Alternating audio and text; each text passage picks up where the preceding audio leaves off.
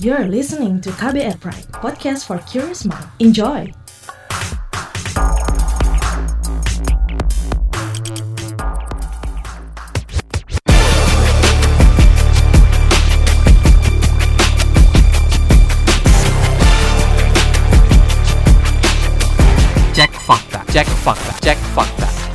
Sebuah akun Instagram mengunggah potongan video Menteri Dalam Negeri Cahyokumolo yang sedang berpidato disertai narasi yang mengklaim bahwa istana meresmikan bahwa PKI diperbolehkan di Indonesia.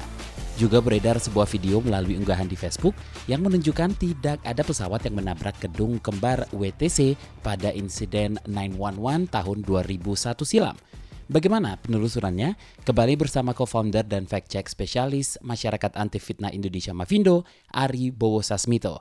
Saya Don Brady menghadirkan topik teratas Periksa Fakta Mavindo periode 25 September hingga 1 Oktober 2021. Hasil periksa fakta dengan tingkat engagement paling tinggi pada akun Instagram at turnbackhoaxid. Podcast ini bisa Anda simak di kbrprime.id setiap Senin dan di aplikasi podcast lainnya. Five, four, three, two, one, zero.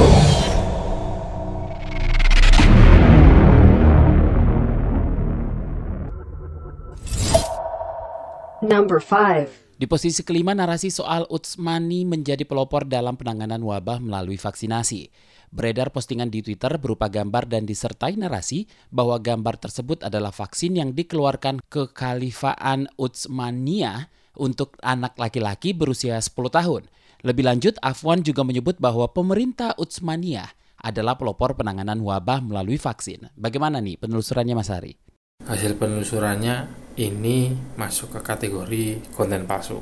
Hasil penelusurannya, faktanya vaksinasi itu pertama kali diperkenalkan pada tahun 1796 oleh dokter dari Inggris namanya itu Edward Jenner. Nah, sebelum vaksinasi, prosedur medisnya itu disebut dengan variolasi atau inokulasi. Nah, sejarahnya adalah yang memperkenalkan metode variolasi di Inggris ini namanya Lady Montagu. Semoga betul pengucapannya. Ini dianggap sebagai cikal bakal vaksin begitu ya. Dia memperkenalkan variolasi dan dikembangkan itu oleh yang tadi namanya Edward Jenner. Itu tahun 1796 dia itu menggunakan virus cacar sapi dalam kurung vaksinia double C gitu tulisannya ya. Ini untuk memberikan perlindungan melawan cacar yaitu virus yang sejenis yang menyerang manusia. Number 4. Di posisi keempat, narasi soal istana meresmikan bahwa PKI diperbolehkan di Indonesia. Sebuah akun Instagram mengunggah potongan video Menteri Dalam Negeri Cahyokumolo yang sedang berpidato disertai narasi yang mengklaim bahwa istana meresmikan bahwa PKI diperbolehkan di Indonesia. Video apa ini mas dan bagaimana penelusurannya terkait narasi tersebut? Peringkat 4, hasil penelusurannya ini masuk ke kategori konten yang dimanipulasi. Jadi video lalu disunting ditambahkan tulisan istana meresmikan bahwa PKI diperbolehkan di Indonesia.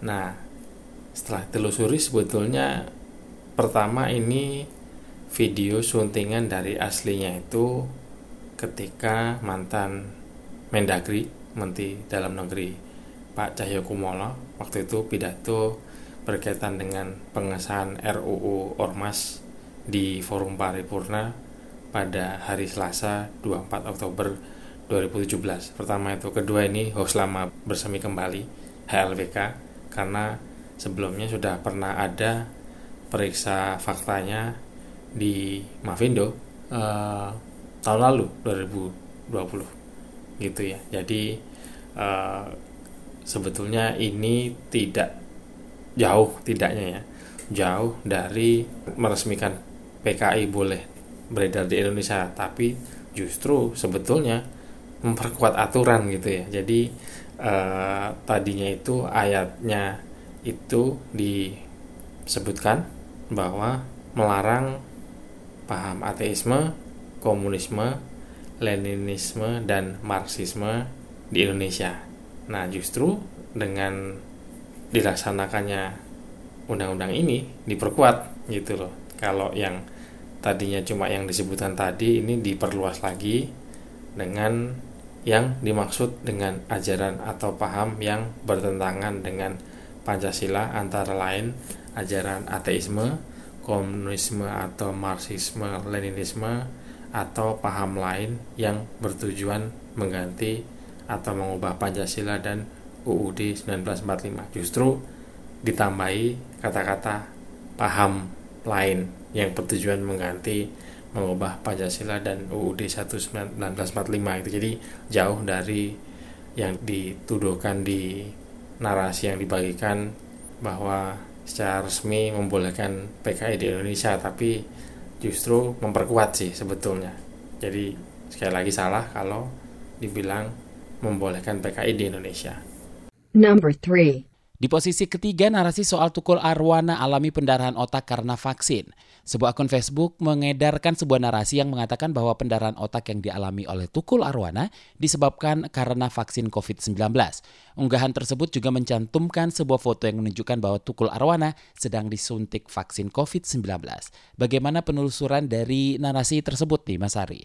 hasil penelusurannya ini masuk ke konten yang menyesatkan atau misleading content karena setelah diperiksa ini diklarifikasi oleh Direktur Utama Rumah Sakit tempat Tukul dirawat Rumah Sakit Pusat Otak Nasional atau RSPON eh, dengan Pak Mursid Bustami. Beliau menyatakan bahwa sampai saat ini belum ada bukti ilmiah yang menunjukkan bahwa pendarahan otak itu diakibatkan oleh vaksin termasuk vaksin COVID-19. Jadi vaksin pada umumnya vaksin apa pun begitu ya, termasuk vaksin COVID-19 atau corona juga begitu. Jadi memang betul Tukul itu habis divaksin tapi yang kejadian dengan beliau itu bukan disebabkan oleh dia habis divaksin. Number 2.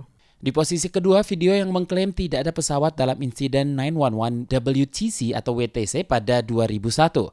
Beredar sebuah video melalui unggahan di Facebook yang menunjukkan tidak ada pesawat yang menabrak gedung kembar WTC pada insiden 911 tahun 2001 silam. Unggahan video tersebut juga dilengkapi dengan narasi seolah perekam video tidak pernah menyebarkan di media sosial.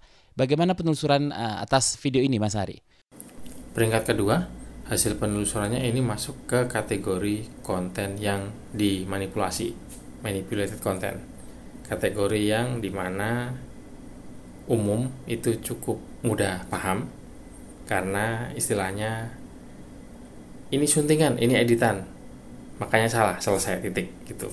Kalaupun ada hal-hal lain, ada bantah-bantahan, ada cakar-cakaran di media sosial ya karena disebabkan hal lain tapi bukan uh, berargumen tentang si jenis hoaxnya sendiri karena toh sudah cukup jelas bahwa salah karena hasil editan hasil suntingan gitu. Beda dengan yang ini ya yang konten yang salah gitu ya. Karena biasanya konten yang salah itu yang dipelintir adalah konteksnya. Jadi kalau pakai video dan foto itu betul bukan suntingan bukan editan kejadiannya pun terjadi tapi konteksnya yang dipelintir. Nah itu lebih rumit daripada konten yang dimanipulasi gitu ya. Nah yang untuk yang artikel kali ini bisa naik ke peringkat dua karena walaupun ini cukup sederhana dipahami salah karena suntingan gitu ya tapi topik yang ditumpangi topik yang diangkat adalah sesuatu yang memang sedang aktual. Karena tidak lama sebelum video ini beredar itu memang sedang ada peringatan 20 tahun kejadian insiden di WTC gitu ya yang menara kembar ditabrak pesawat itu 9-11 gitu. Dan standarnya tipikal kalau ada hal yang sedang dibahas sedang trending di media itu hampir selalu ada versi pelintiran atau hoaxnya di media sosial. Jadi hoax itu mengikuti tren gitu. Nah ini hasil penelusuran sebetulnya salah karena video aslinya itu menunjukkan ada pesawat terbang yang menabrak gedung WTC baru ada kejadian ledakan tidak seperti si video suntingannya gitu ya. Dan ini pun video syutingannya ini hanya salah satu angle dari banyak sudut pandang video yang lain itu bahwa kalau dibandingkan dengan video-video dari sudut pandang lain karena ini cukup banyak jurnalis yang waktu itu meliput begitu ya ini terbukti bahwa video yang ini suntingan begitu. Dan ternyata setelah ditanyakan ke si pembuat atau pengambil gambarnya namanya Keith Lopez itu dia menanggapi bahwa ini sebetulnya cuma untuk menarik perhatian dan meningkatkan engagementnya. Jadi bikin rame lalu yang punya akun naik karena di situ banyak uh, banyak interaksi banyak like banyak komen banyak yang membagikan begitu ya jadi intinya ini video syutingan karena video aslinya itu terlihat pesawat yang menabrak gedung WTC sebelum terjadi ledakan. Number 1. Di posisi pertama narasi soal kabel Telkomsel di bawah laut digigit hiu. Sebuah akun Facebook mengunggah sebuah video yang memperlihatkan seekor hiu menggigit kabel bawah laut dengan narasi ternyata kabel Telkomsel di bawah laut digigit hiu. Bagaimana penelusuran faktanya nih Mas Ari?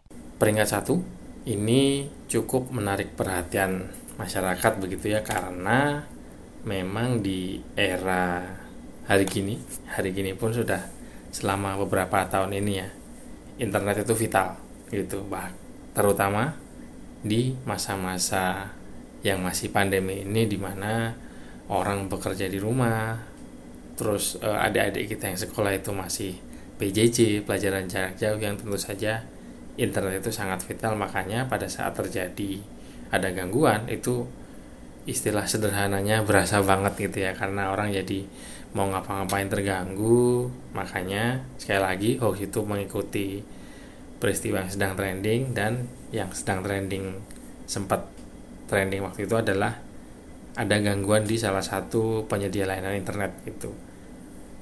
Informasinya adalah gangguan terhadap kabel laut lalu hoax-hoax pelintiran misinformasi yang dibagikan ya temanya itu gitu.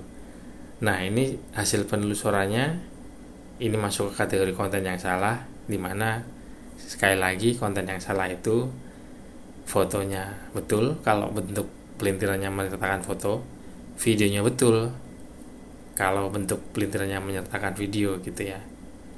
Karena foto dan video itu uh, bahasa kerennya engaging gitu ya. Men lebih menarik perhatian karena kita ini kan makhluk visual gitu ya. Kalau melihat sesuatu yang gambarnya betul bukan suntingan peristiwanya betul terjadi lalu menganggap bahwa narasi atau klaim apa pun yang menyertai narasinya betul. Padahal ya kalau dari 5W1H atau asdi gambar apa siapa di mana kapan mengapa bagaimana video yang dibagikan lalu dikasih narasi ternyata kabel Telkomsel di bawah laut di GTU ini videonya sudah beredar lama sejak tahun 2010 makanya dari sisi Asdi Gamba kapannya itu secara waktu jauh ya.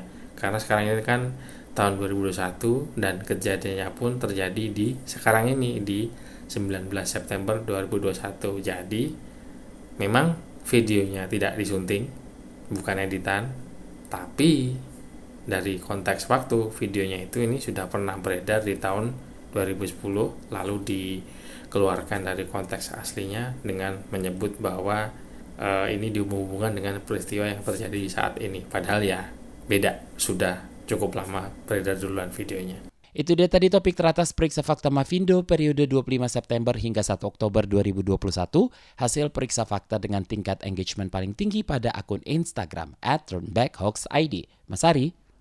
Seperti biasa, saya selalu mengingatkan, jaga emosi, tahan jari, verifikasi sebelum dibagi. Saya Aribo Sasmito, co-founder dan fact-check specialist Mavindo, Masyarakat Anti Fitnah Indonesia. Terima kasih waktunya sudah mendengarkan. Wassalamualaikum warahmatullahi wabarakatuh. Terima kasih telah menyimak podcast Cek Fakta ini. Kami menantikan masukan Anda lewat podcast at kbrprime.id. Sampai jumpa di episode berikutnya.